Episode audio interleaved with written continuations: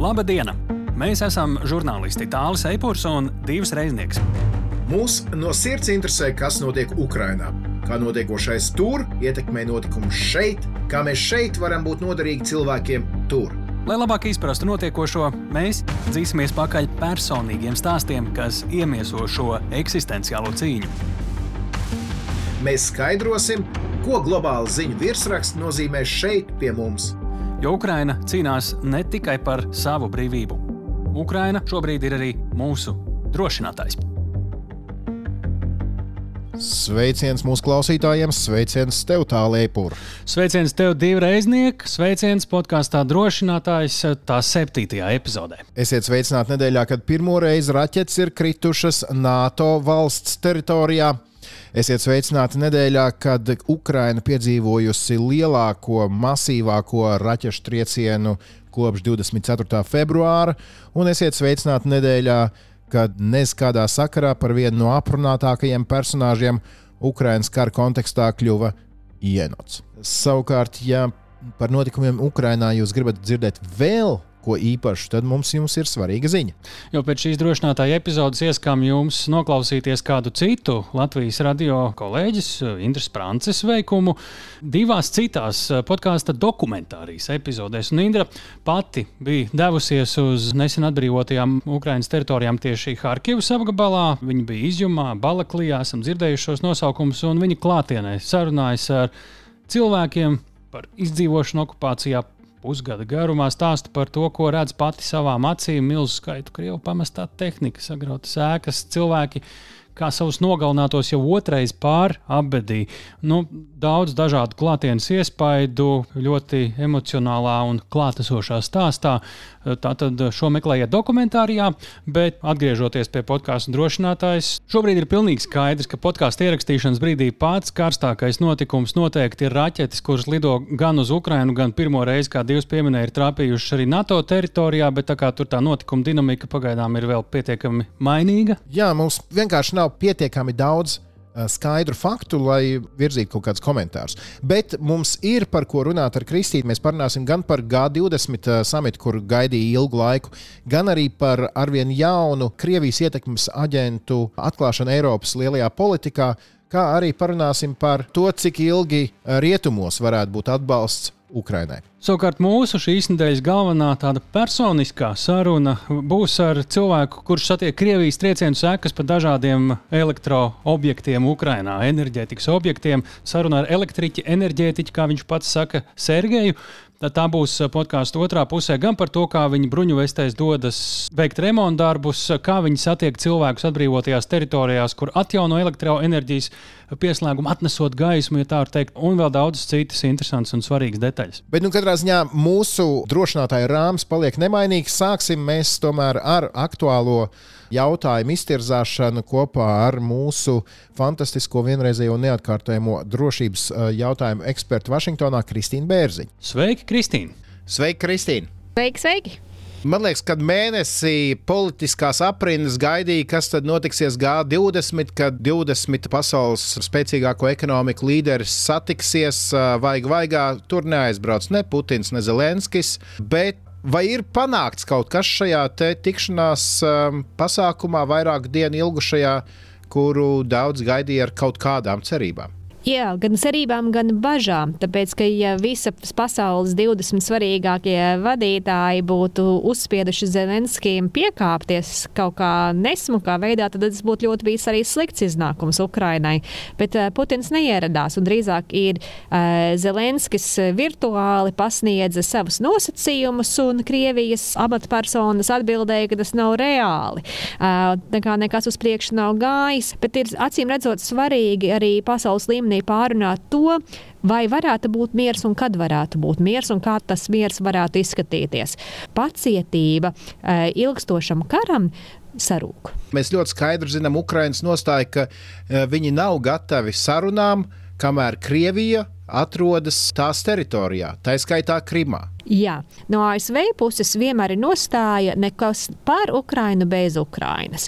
Un to mēs redzam no daudzām lielvalstīm. To redzam no Lielbritānijas un no, un, un, un no citiem Eiropas spēkiem.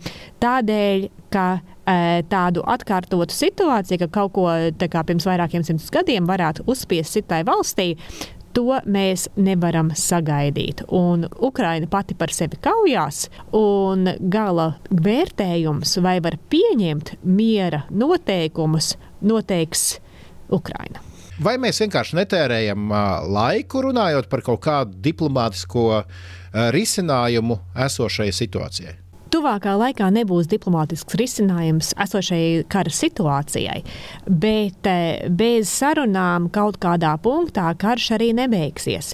Un, ja var par to runāt, tad var par to varbūt kādreiz arī cerēt. Tas ir īpaši svarīgi, lai noturētu pilsoņu atbalstu tajās valstīs, no kurām nāk vislielākais militārais un ekonomiskais atbalsts Ukrainai tuvākā laikā īstu sarunu visticamāk nebūs. Ir svarīgi parādīt to, ka ir ceļš un ir iespējams, ka tādas sarunas būs. Un jo lielākas veiksmes Ukrainai būs, tā kā Helsonā pagājušajā nedēļā, jo labāks rezultāts būs Ukrainai galējā lēmumā. Bet, kā es jau dzirdu, mūsu klausītājs sakām, paga, paga. Ukrainas veiksmes kara laukā ir vistiešākajā mērā saistītas ar rietumu sniegto militāro atbalstu jautājums pavisam vienkāršs. Varbūt beidzam eh, tērēt laiku runājot par kaut kādām miera sarunām, bet uh, dodam Ukrainai ieročus, lai tā spēj situāciju atrisināt kara laukā. Jo, kā mēs redzam, skaidrs, ka 24. februārī neviens nedomāja, ka Ukraiņa spēs tik ilgi un tik labi pretoties, un tāpēc nemaz nesūtīja savus modernākos ieročus. Bet, kā mēs redzam, amerikāņi iedeva Haimers, uzreiz bija redzams progress. Tāpēc es pieņemu, ka da, da, neviens mūsu klausītājs šobrīd uh, pleš acis un prasa, kas attur rietumus. Piešķirt, ok, ne pašas modernākās ierīces, bet vismaz vairāk, efektīvākas ieročus un tā tālāk un tā joprojām. Turpinās arī ieroču piegāde, bet vēlētāji lielajās rietumvalstīs, kuras arī ļoti daudz dod, grib saprast to, ka tas nebūs 20 gadu jautājums. Tieši Afganistānas piemērs ir tas, kas biedē vēlētājus. Tāpēc, ka lielākoties tā Ukraina ir tālu. E, protams, ne Baltijā, ne Latvijā, bet e, Londonā, Parīzē, Vašingtonā, e, Helsona, Kieva - tālas pilsētas. Un tādēļ ļoti svarīgi parādīt to, ka nebūs bezgalīgs un kamēr ir saprašana, ka ir akūts konflikts, kuram būs galu galā risinājums, tajā situācijā ir iespējams nodrošināt daudz vairāk militāro palīdzību. Ja tas liekas bezgalīgs, tad tieši arī militārā palīdzība varētu izsīkt. Bet nu, tad pāriesim pie otrā jautājuma. Atbalsts rietumos tieši iedzīvotāju vidū, vai tu tam seko līdzi, un vai tu redzi kaut kādas izmaiņas vienā vai citā virzienā? Atbalsts šobrīd vairāk vai mazāk turās. Uh, ir skaidrs, ka šodien nu, vēl ir tikai rudens un ziema vēl nāks, lai gan uh, inflācija ir, cenas ir augstas, uh, elektrības, uh, gāzes cenas ir ļoti augstas, vēl joprojām turās atbalsts uh, Ukrainai. Un tas ir arī noteicošākais par ko ir bažas, ir par nākamo ziemu. Jo, ja 22. gada sākumā vēl no Krievijas bija gāzes piegāde, tad uz to nevar paļauties nākamajā gadā. Krievija paļaujas uz to, ka ar laiku izsīks rietumu atbalsts un izsīks pacietība, un tas tieši ir saistīts ar energoresursu pieejamību. Bet pagaidi, vai tad šīm bailēm jau mēs neesam pāri? Vienu brīdi, protams, bija bažas par to, kā mēs pārziemosim. Bet tagad, cik cilvēki var lasīt, visas Eiropas gāzes rezervuāri esot pilni. Principā situācija izskatās atrisināta, vai tas tomēr nav tik vienkārši? Šai ziemai, jā. Bet kas notiek vasaras sezonā? Jo vasaras, pavasaris, vasara ir tas laiks, kad Eiropa iepērk gāzi un piepilda gāzes krātuves ja nav nemaz Krievija šajā bildē, kā var sagaidīt, kādi tad būs tie pieejamie resursi, īpaši, kad ir e, jāsacenšas ar Āzijas tirgu par sašķidrinātās gāzes pieejamību un kuģiem. Un tur ir tas uztraukums. Ja. Šajā ziemā visi tiks tam cauri. Šajā ziemā Ukraina vēl ir jauna un ļoti svarīga lieta cilvēku saprašanā par pasaules konfliktiem. Ja mēs pagaidām vēl gadu, tā saprāšana varētu arī mainīties, cilvēki varētu nogurt, un enerģijas situācija visticamāk varētu būt sliktāka. Labi, trešā tēma, kas varbūt ir paskrējusi garām, nepamanīta, bet man šķiet ļoti interesanta. Arvien vairāk un vairāk sāk parādīties ziņas par dažādiem nu, nosauksim to par Maskavas ietekmes aģentiem Eiropas politikā. Holandē ir liels skandāls par um, vīru vārdā Renē Vanderlindens, kurš ir uh, bijis ietekmīgs politiķis gan pašā Holandē, gan arī Eiropas drošības sadarbības organizācijā. Izrādās, ECO vispār ir viens uh, Krievijas ietekmes aģentu perēklis. Tur uh, vairāki šīs organizācijas vadītāji pēc kārtas esot Krievijas atbalstītāji, kuriem Krievija ir maksājusi. Tad Vācijā savukārt uzmanības centrā ir nonācis Angels Merkels, bijušās Vācijas kancleres padomnieks drošības jautājumos, Ēriks Vats, kurš tad Krievijas retoriku sludina uh, Vācijā. Arī Francijas armijas viens no bijušajiem top uh, cilvēkiem, uh, esot uh, Krievijas ieteikums aģents, Ko mēs varam no šīs secināt? Tas īpaši man arī nepārsteidz. Krievi kopš padomu laika jau ir atbalstījusi uh, politiķus un ietekmīgās personas, jauniešus, kuri varētu pacelties un ar laiku ieaugt ietekmīgās pozīcijās Eiropā un, un, un visā plašajā pasaulē ietekmes aģenti ir kādreiz spējīgi varbūt iegrozīt politiku Krievijai labvēlīgākā virzienā, bet bieži tas arī nav tas noteicošais. Jā, Nīderlandē, un Francijā, Vācijā ir bijušas politiskās balsis jau gadsimtiem, kuras uzskata, ka ir gudri savu valsts interesu dēļ noturieties Krievijas pusē un vienmēr ir arī bijusi otrā puse.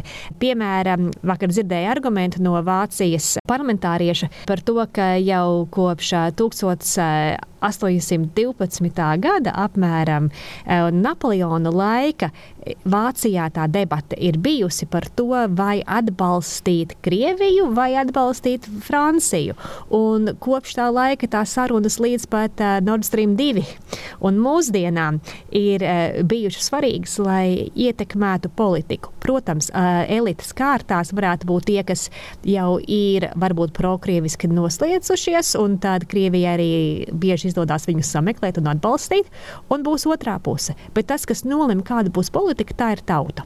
Un kas ir svarīgi, ir tas, kādā veidā mainās tautas un īpaši jaunākās paudzes attieksme pret Krieviju un par ārpolitiku. Piemēram, ja runāsim par Vāciju. Vācijā līdz februārim bija sajūta, ka augstā kara beigu laika politika, ostpolitika, austrumpolitika, dabasgāžu celtniecība uz Krieviju un arī tāda draudzīgāka saikne ar, ar Padomju Savienību un pēc tam Krieviju, ka tā samainīs tās valsts politiku arī caur tirzniecību un labām attiecībām. Tā teorija saucās Vandeldurhandel, tas ir nu, maiņa caur, uh, caur caur, caur tirdzniecību. Un tā ir bijusi savā ziņā kā tāda politiskā reliģija, gan elitē, gan arī ļoti uh, plaši tautā. Bet jaunākai paudzei e, neizskatās vairāk, ka tā būtu piemērota kā politika. Tāpēc, ka tirzniecība ar Krieviju ir bijusi, Nord Stream 2 tika piedāvāts 15. E, gadā pēc Ukrainas, un tas viss ārkārtīgi izgāzās. Un šobrīd mums ir karš. Jaunākā paudze redz, ka vecā veida politiskā ideoloģija ir tāda, kas uzskata, ka piekāpties vai izdabāt Krievijai, ka tā, tas būtu labākais ceļš tiem reālie pasaules notikumi pēdējo dažu gadu laikā parāda, ka tas nav pareizais ceļš. Tāpēc ir atbalsts Ukrainai, tāpēc tieši tautā bieži vairāk atbalsta militāro palīdzību Ukrainai nekā elitē. Un šī paudžu maiņa un faktiskā realitāte varētu būt daudz svarīgāka nekā tas, ka Krievija tagad ir algojusi nezinu, desmitiem vai simtiem politiķus visā Rietumē Eiropā. Tad es prasīšu, kā ļoti skeptisks latvietis. Vai tad uh, var secināt, ka laiks, kad uh, mūsu likteņus lemj bez mūsu piedalīšanās, ir beidzies? Man liekas, ka nav iespējams pašreizējā pasaulē Īpaši tad, ja Latvija vai jebkura cita valsts pati cīnās par savu likteni, noteikto likteni bez tās valsts uh, dalības. Ja? Ārkārtīgi svarīgi ir tieši tas, ka Ukraina pati cīnās. Ukrainas nākotne ir Ukrainas rokās, tāpēc ka Ukraina ņem savu likteni savās rokās. Ja valsts pati spēja izķeparoties, tad nekas bez tās valsts arī nav politiski iespējams. Un tas man liekas arī ļoti svarīgi tieši saprast Latvijā un, un Baltijā, ka aizsardzība un pa, valsts pašas atbildība nodrošināt savu aizsardzību ir vissvarīgākā lieta. Ja labāk pati valsts cīnīsies, tad būs arī uh, faktiskais atbalsts ar militāru, militārais atbalsts un ekonomiskais atbalsts. Tas arī būs lielākā mērā. Un diplomātiskais spēks noteikt savu likteni arī būs. Nu, skaidrs, Kristīne, paldies par iedrošinājumu, un tad jau līdz nākamajai nedēļai. Labi, līdz nākamajai nedēļai. Paldies, Kristīne. Nu, dienu redzam, ka tiešām apstiprinās uz katra soļa tas, ka katra mūsu mazais darbs un arī rīcība ir tas, kas izšķir rezultātu. Jā, diemžēl šī, šai rīcībai neredz ne galu, ne malu, jo, piemēram, otrdien, 15. novembrī, Ukraina piedzīvoja lielāko raķešu triecienu kopš 24. februāra 90 raķetes eh, tika raidītas Ukraiņas teritorijas virzienā, 70 no tām esot eh, notriekts. Taču pat pie šāda spēcīga pretrieciena tika bojāti 15 energoinfrastruktūras objekti, un, kā apgalvo Ukraiņas enerģētikas ministrs, šis bijis eh, arī lielākais trieciens tieši pa energoinfrastruktūru kopš kara sākuma. Jāpiemina jau, ka pirms šīs nedēļas tika minēti fakti, ka 40% energoinfrastruktūras ir bojāti.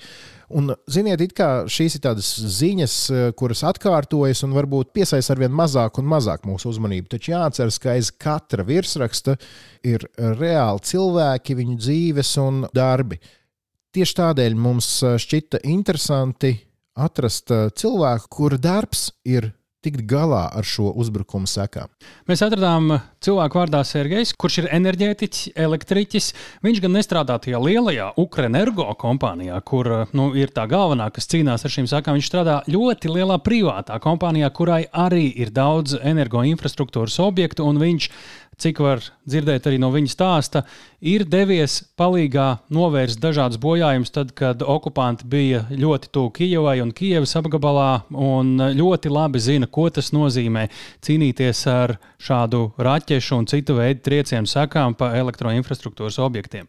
Proti, ja ir noticis raķešu uzbrukums, ir eksplodējusi tur energo kaut kādas sistēmas sastāvdaļa, vai nezinu, līniju pāraut. pāraut līniju, tad viņš ir viens no tiem cilvēkiem, kuri dodas reāli uz to notikumu vietu un mēģina savest atkal viss kārtībā. Pareizi? Nu jā, divi tev taisnība par to, ka varbūt aiziet nedaudz fonā tā informācija, mēs regulāri to saņemam, bet šobrīd pavisam noteikti Ukrainā ir lielākais bez elektrības esošo pieslēgumu skaits. Tie ir miljoni cilvēku, tiek brīžiem pat pieminēts, ka desmit miljoni, un šie bojājumi, kas ir bijuši pēdējos jaunākajos triecienos, izskatās, ka paies krietnas dienas, kamēr izdosies ar tiem tikt galā. Un šobrīd vairs nav vasara, šobrīd jau ir novembris, un uh, līdz ar to tās sekas var būt krietni vien nepatīkamākas. Un uh, tas turklāt attiecas ne tikai uz, nu, tur, pieņemsim, Ukraiņas austrumiem vai dažiem objektiem kaut kur. Tas attiecas uz visu Ukrainu, tāpat Ļuviva. Šajā naktī grim tumsā Kijavā līdzīgi. Un, Te vairs nav runa tikai par plānveidīgiem atslēgumiem, tāpēc, ka ir deficīts. Te ir runa jau par triecieniem, kur dēļ to elektrību nevar šobrīd daudz kur pieslēgt. Nu, ko klausīsimies tad sarunu ar vienu no šiem neredzamās frontes varoņiem? Jā, Sergejs Forošs, uzņēmuma DTEK, Kijavas elektrotīkli enerģētiķis. Klausāmies sarunu. Man tiešām prieks, ka izdevās ar jums sazināties. Labdien, Sergei! Здравствуйте! Sākumā es gribētu lūgt, lai jūs īsumā pastāstiet, kas ir tas, ko jūs darāt. Да, мы занимаемся энергетикой, эксплуатацией электрических сетей, электрических линий. Jā, mēs nodarbojamies ar enerģētiku, elektrotīklu un elektrolīniju eksploatāciju, kā arī izplatām elektroenerģiju apdzīvotās vietās un nodrošinām mūsu iedzīvotājus ar elektrību. Tas ir mūsu pamatu uzdevums. Strādājam Kīivas reģiona elektrotīklos. Esam liels privātais uzņēmums ar daudz struktūrvienībām rajonos, kas piegādā elektrību mūsu patērētājiem un mūsu uzņēmumiem.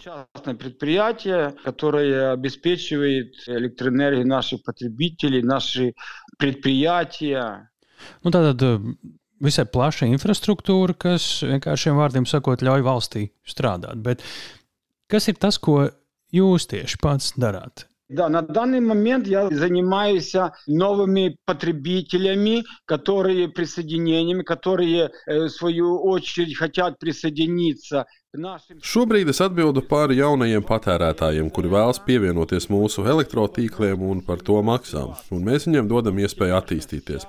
Pievienojam papildus jaudas, bet no 24. februāra, kad iebruka Krievijas karaspēks, jeb kā mēs sakām, orki, mana loma un uzdevumi mainījās. Tā bija avārijas seku likvidēšana elektrotīklos pēc viņu sprādzieniem un uzbrukumiem. Es organizēju šo darbu, organizēju brigādes, lai lokalizētu bojājumus pēc viņu raķešu un visa kā citu uzbrukumiem. организовывал бригады для того, чтобы локализировать эти все повреждения, которые были нанесены ракетными ударами и всем остальным, что в них имелось в виду. Ar ko atšķiras tas darbs, ko jūs darījāt pirms un pēc 24. februāra? Gan jau kā, kā diena pret nakti, vai ne? Да, когда мы до 24 февраля работали в штатном режиме и понимали, что действительно в стране идет война, пусть она и шла Jā, līdz 24. februārim strādājām parastā režīmā. Mēs sapratām, ka jau pirms tam valstī ritēja karš ties citos reģionos - Donbasā, Donetskā, Luhanskā, bet tas mūs skāra maz. Bet pēc 24. datuma mēs tiešām sajūtām, cik tas ir šausmīgi un ka ir kaut kas jādara. Un mēs pārkārtojāmies un ļoti apzinīgi un centīgi ķērāmies pie darba. Nu, kaut kādā ziņā katrā no mums bija, bet tajā brīdī mēs tiešām to ieraudzījām. Cilvēkus, kuri nodarbojās ar avāriju, seku likvidāciju un visu pārējo, un tiešām ir savas zemes patrioti. Действительно, он, мы видели людей, которые действительно патриоты своей страны и которые занимались ликвидацией этих аварий и всем остальным. Ko tas īsti nozīmē? Likvidēt avāriju, jo tie bojājumi taču var būt nu, ļoti dažādi un ļoti dažādi veidi objektos. В первую очередь мы выбирали приоритеты. В первую очередь восстанавливали электроэнергию. Это нашим военным ЗСУ для того, чтобы они могли дальше продолжать. Vispirms mēs sākām ar svarīgākiem objektiem. Vispirms elektroenerģiju atjaunojām mūsu bruņotajiem spēkiem, lai viņi varētu veikt savus grūtos pienākumus dažādu debesīs lidojošu objektu pamanīšanā. Tas bija jāpaveic vispirms, lai novērstu uzbrukumu mūsu galvaspilsētai un uzbrukumus citām mūsu pilsētām mājām un ciemiem. Tāpat mēs likvidējām avārijas vispirms jau tādām iestādēm kā veikaliem, maizes ceptuvēm, likvidējām avārijas un devām tiem gaismu, lai viņi varētu ražot un vispirms jau maizi. в первую очередь тоже ликвидировали аварии и давали свет этим предприятиям для того, чтобы они выпускали свою продукцию, в первую очередь это хлеб. Ko jūs redzat, tad, kad jūs ierodaties eh, labojamajos objektos? Tur taču tikko ir bijuši droni, augstas precizitātes raķetes, eh, citi sprākstoši objekti. Vai var teikt, ka nu, ir tāda tā bojājuma klasika, ar ko šādi bojājumi ir raksturīgi? Ну, я вам скажу, когда наши бригады, в том числе и я, передвигались по разрушенным нашим селам, по разрушенным... Teikšu tā, kad mūsu brigādes, tā skaitā es pats, pārvietojāmies pa izpostītajiem ciematiem un pilsētām, ir grūti vārdos izteikt to, ko mēs redzējām. Tās ir sagrautas mājas, degvielas stacijas, veikali, nogalināti cilvēki, blokposteņi, un to visu mēs redzējām savām acīm. Visur gulēja miruši cilvēki, kamēr viņus nenovāca, bet um, mēs vēl to visu redzējām, tā skaitā bērnus. Kad ieradāmies, cilvēki bija mēnešiem sēdējuši bez elektrības. Pie pirmās iespējas, kad bruņotiem spēkiem bija iespējams pie viņiem piekļūt, kad bija notikuši šo objektu atmīnēšana, mēs devāmies tur labot bojājumus. Mēs to visu redzējām savām acīm, un tas viss ir ļoti baisi un nepatīkami. Tā mēs to redzējām И это очень страшно, очень неприятно. И так мы видели это все дело. Ja jums citam elektriķim nu, tagad būtu jāizstāsta, ko tas nozīmē, ka objektā ir atlidojusi raķete, nu, apakšstācijā, piemēram, tur taču joprojām var būt uh, pievienota elektrība, joprojām var atrasties kaut kas sprādzienu bīstams.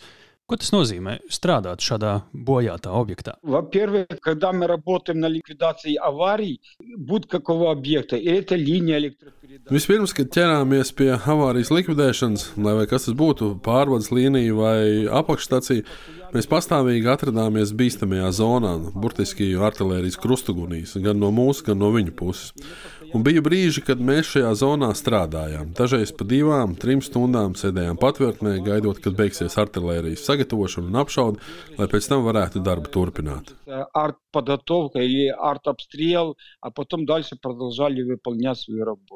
Nu, rodas iespējas, ka bez bruņu vestēm un līdzīga aprīkojuma tur strādāt varētu būt pat ļoti bīstami. Jūs, elektriķi, veicot šo darbu, neizskatāties tāpat kā karavīri. Наше руководство обеспечило нас жилетами. Ну, одно обеспечить жилетами, а другое... Jā, mūsu vadība bija nodrošinājusi mūs ar bruņu vestēm, bet viens ir sagādāt vestes, bet otrs, nu, mēs jau neesam kara speciālisti. Tāpēc ar mums kopā bija karavīri. Viņi nestrādāja, bet piesedz mūs, bija mūsu tūmā. Bet jā, mums tiešām ir bruņuvests. Kad vajadzēja, kad notika apšaudas, tās mūsu pašu drošības dēļ bija jāvelk. Стрелы были вынуждены для своей безопасности работать в жилетах, бронежилетах. Kāda rakstura bija tie bojājumi pēc sprādzieniem? Ko tas nozīmē? Мы, как специалисты, смотрели на объемы повреждений. Если... Mēs kā speciālisti novērtējām bojājumu apmēru. Bija laiks, kad nebija materiāli, bija laiks, kad izmantojām vecus lietotus materiālus. Ieradāmies, novērtējām situāciju, bija jāstrādā kā ar lietotajiem materiāliem, tā arī atjaunot vismaz īslaicīgu elektroapgādi. Pēc tam saskaņā ar prioritātēm jāieplāno vēlāk un jau kvalitatīvu elektroapgādes atjaunošanu. Ja bija jābūvē līnija, mēs sapratām, jā, it kā pagaidām elektrība tur ir uz laiku, bet eh, kapitāliem remontam jau izmantojām jaunus materiālus, pasūtījām jaunus vadus, un mums tos arī piegādāja un savu paveicām. Elektrība tiešām ir tāds netverams produkts. Mēs to neredzam līdz brīdim, kad iedegs spuldzīte. Tikai tad redzam, ka elektrība ir. Kad jau lampiņa svietiņā, mēs saprotam, ka patiešām elektroenerģija ir. Mēs šeit Latvijā lasām, ka pa šādiem objektiem mēdz būt arī atkārtoti triecieni, nu, vai nu stundas vai dienas pēc pirmā trieciena, un tieši tajā pašā objektā. Un tas, man liekas, ir tā īpaši cietsirdīgi, jo tajā brīdī tur taču jau var strādāt tādi cilvēki kā jūs, kas to visu jau labo. Un šāda iespējamība taču došanos uz bojātiem objektiem var padarīt īpaši bīstamu. Действительно, сейчас российские войска бьют по энергетической инфраструктуре. Они бьют по подстанциям, которые раздают. Jā, tā ir, ka Krievija armija veic triecienus enerģētikas infrastruktūrai, pa apakšstacijām, kas pārvada elektrību. Tās ir augstsprieguma stacijas ar 330, 110, 35 kV. Mērķis ir mūsu iedzīvotājus atstāt bez elektrības. Mēs savukārt negaidām, kamēr kāds sāk šaut un bumbot mūsu. Mēs arī nocietinām savas apakšstācijas, darām visu iespējamo un neiespējamo, lai noturētu mūsu apakšstācijas ierindā. Mēs tās apberam ar smiltīm, stiprinām ar betonu, lai šķembas nesabojātu mūsu izolatorus, transformatorus un citu vērtīgu aprīkojumu stācijās. Tādu atkal izgatavot un uzstādīt, tas prasa daudz laika un materiālu. Un tiešām šie atkārtotie triecieni ir vienā un tajā pašā punktā, lai iznīcinātu mūsu energosektoru. Но даже есть моменты, когда они повторно в одну и ту же точку бьют, бьют и хотят уничтожить нашу энергетику. Un šādos atkārtotajos triecienos taču var reāli zaudēt arī pašus speciālistus, tādus kā jūs un jūsu kolēģi. Да, наши специалисты всегда же находятся на подстанции. Jā, mūsu speciālistiem pastāvīgi jāatrodas apakšstācijās. Viņi tās remontē, ir dežūrējošie speciālisti. Un ir iespēja, ka mūsu cilvēki var iet bojā. Tāpēc mēs veidojam patvērtnes, gan pagaidu, gan iespējams arī pastāvīgas patvērtnes, lai nodrošinātu mūsu personālu pret sprādzieniem apakšstācijās un pasargātu mūsu cilvēkus. На подстанциях и уберечь наших людей. Kā ir mainījusies cilvēku attieksme pret enerģētiķiem, pret elektriķiem, vai jūs to jūtat kopš kara sākuma? Да, мы когда приезжаем к нашим людям, мы смотрим, они сидели два Mēsecā, э, Jā, kad ierodamies pie mūsu cilvēkiem, mēs redzam, ka viņi ir sēdējuši divus, trīs mēnešus okupācijā. Kad iebraucam atbrīvotajā teritorijā, mūs tur satiek cilvēki ar asarām acīs. Viņi mūs apskauj, piedāvā mums pēdējo, kas viņiem palicis, ēdamu, apģērbu, sasildīties un vēl visu ko. Ir ļoti smagi uz to skatīties. Viņi pret mums izturas kā pret saviem tuvākajiem. To uzreiz var sajust ļoti spēcīgi. Ļoti liels viņu atbalsts un mīlestība.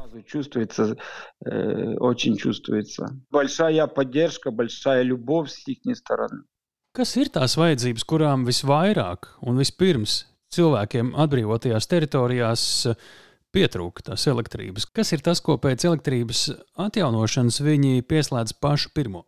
Ну, в первую очередь, это э, тепло. Электричество – это тепло. Э, Как и у нас, так и у вас. Это, э, мы говорим, что это газовые котлы работают от электричества. Это- Vispirms tas ir siltums, elektrība tas ir siltums. Kā pie mums, tā pie jums gāzes katli darbojas ar elektrību.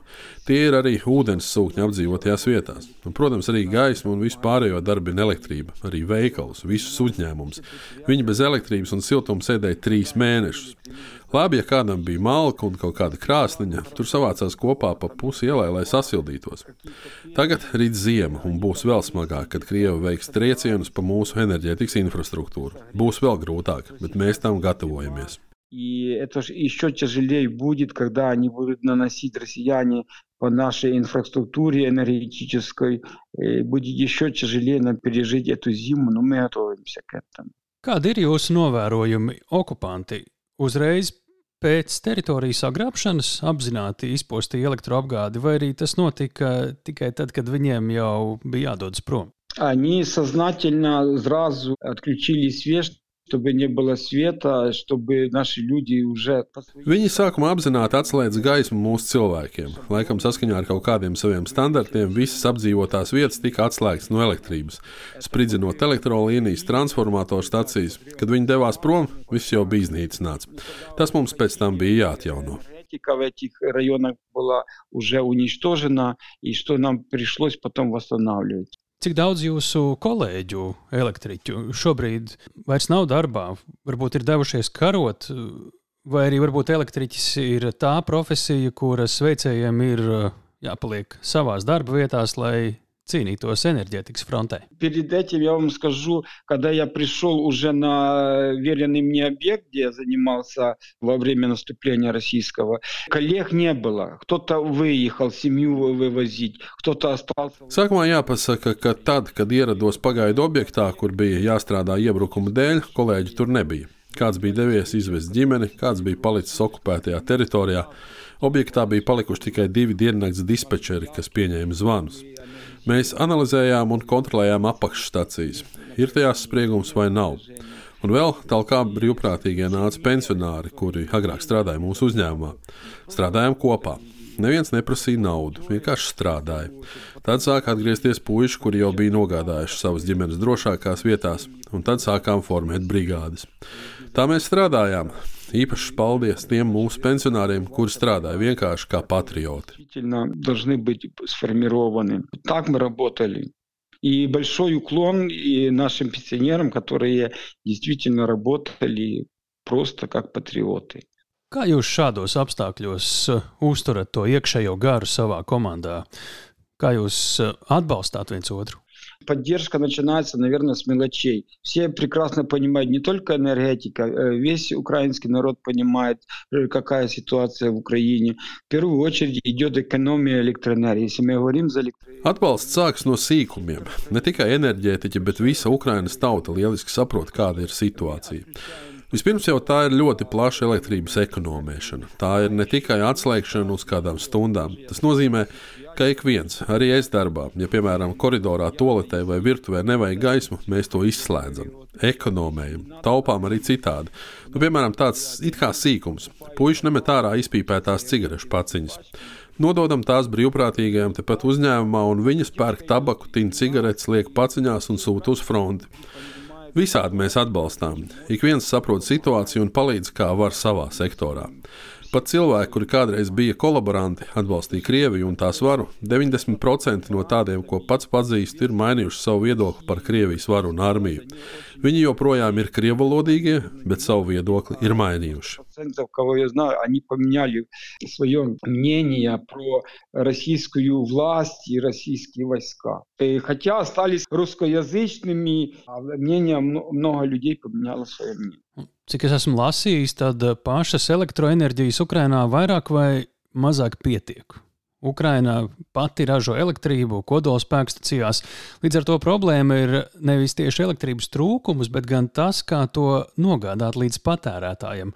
Un tas tad sanāk, ir tas iemesls, kāpēc cilvēkiem daudz vietā ir jāsēž bez elektrības. Да, электроэнергии в Украине хватало и есть электроэнергия. Nu, за счет того, что она разрушает. Jā, elektroenerģijas Ukrainā ir bijis pietiekami, un tai arī būs jāpaliek. Bet tā kā sistēma tiek grauta, ir problēma tieši ar pārvadi. Ko dara Krievija armija? Viņi bombardē termoelektrocentrāles, apakšstacijas. Līdz karam Ukraina taču eksportēja elektroenerģiju, bija pārpalikums. Tagad mums ir deficīts, jo notiek postījumi.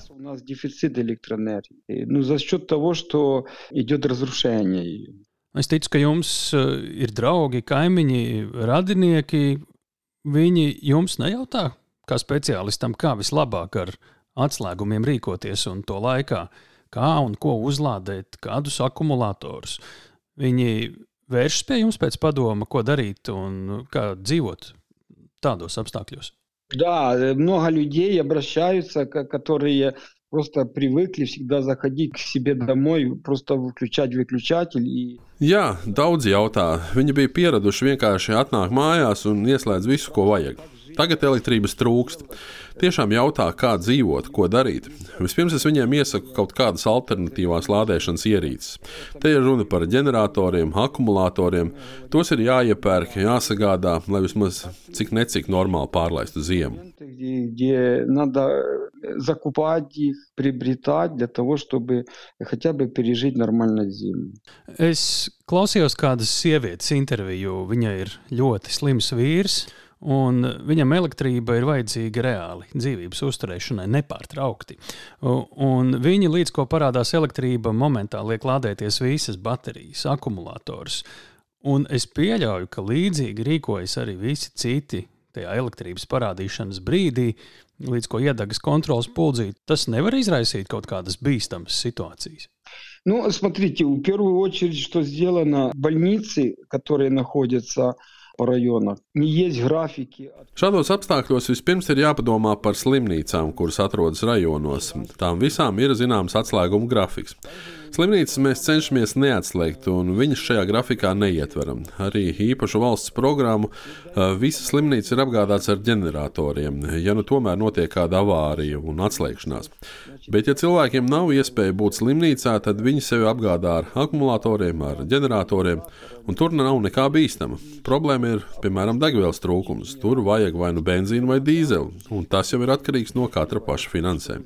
Генератор надо или солярка, или бензин, но тут уже надо тоже рассчитывать на свои финансовые возможности. Nu, jums pašam mājās ir kāda liekāka kastīte, kur var uzkrāt elektrību kādam laikam, Kā rīkojas cilvēki, kā jūs darāt? Да, я, как и все наши граждане, тоже обеспечиваю себя какими-то... У меня лично есть... Es tāpat kā visi citi kaut ko daru lietas labā. Man pašam ir akumulators un arī pārveidotājs no 12 voltiem uz 220.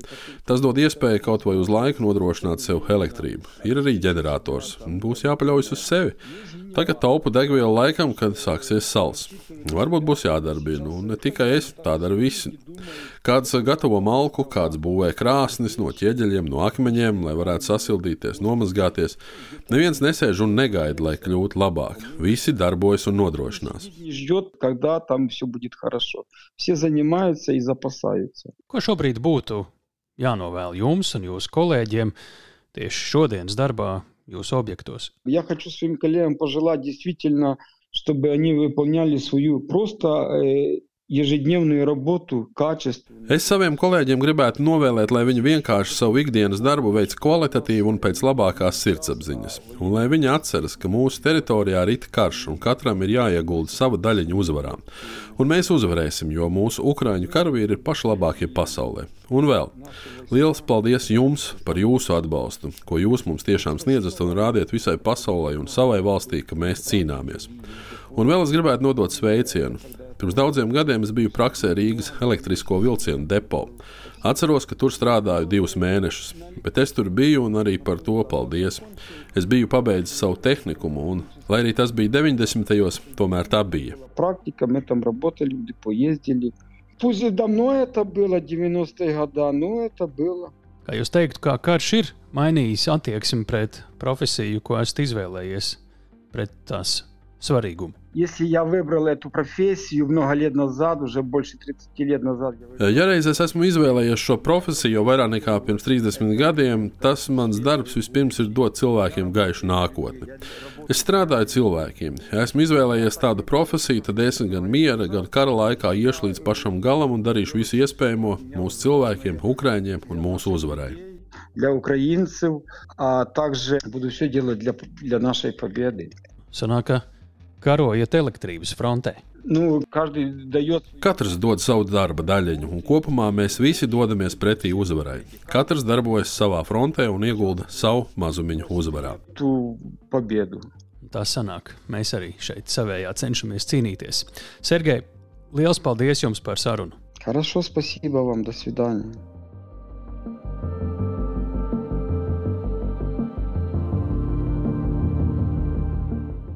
Paldies, Tāli! Tā bija saruna ar Sergeju Forošķu, Ukraiņas uzņēmumu DTEK, Kievas elektrotīkla enerģētiķi.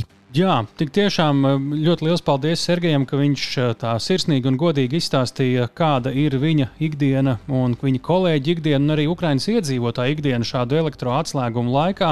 Man patiesībā bija, es to iepriekš nezināju pirms šīs intervijas, bet eh, jā, Sergejs pats vienkārši ņēma un sāka stāstīt, ka viņš vispār Rīgā mūsu depo ir gājis praksē elektrovilcienu, paši dzirdējāt, tā kā cilvēcīgā saikne Ukraiņiem ar Rīgu un mums ar viņiem ir ļoti cieša un karam beidzoties, es domāju, mēs viens pie otra brauksim vienkārši ciemos eh, un uzaicināsim uz kādu boršķu vai augsto zupu, un viss būs labi un skaisti. Nu jā, principā mums ir laiks šobrīd palēnām beigt eh, drošinātāju septīto epizodu, bet pirms mēs eh, no jums atvadamies, gribētu atkal vienu stāstu iz dzīves. Šajā nedēļā tie, kur ir sociālos tīklos, viņi noteikti būs pamanījuši Ukraiņas kara sakarā jenotu pieminētu daudz un dažādos veidos. Vai tu zini, par ko es runāju tālu? Es zinu, par ko tu runā. To taču ir komentējusi pat Ukraiņas aizsardzības ministrija. Tas uh, ir ļoti augstā līmenī aizgājis. Tiem, kuri varbūt nav dzirdējuši izstāstīšu, un arī tiem, kuri ir varbūt redzējuši to jenotu, tur ir patiesībā es paskatījos šajā stāstā bišķi dziļāk, tur ir daudz interesantas detaļas. Tātad stāsts par Helsonas jenotu, kas pāršalca sociālos tīklus aizgājušajā nedēļā. Proti, pēc tam, kad Krievi bija spiest pamest Hersonu, īpaši uzmanību piesaistīja viens krievu blogeris ieraksts sociālos tīklos, ka vienīgā labā ziņa no Hersonas ir tāda, ka viņas draugam izdevies nozagt jenotu no vietējās zoodāras. Ieraksts pavadīja arī video, kurā redzams, ka dzīvnieks, kurš ļoti pretojas, tiek sagrābts aiz astes un iemestas būrī. Tas izklausās apmēram šādi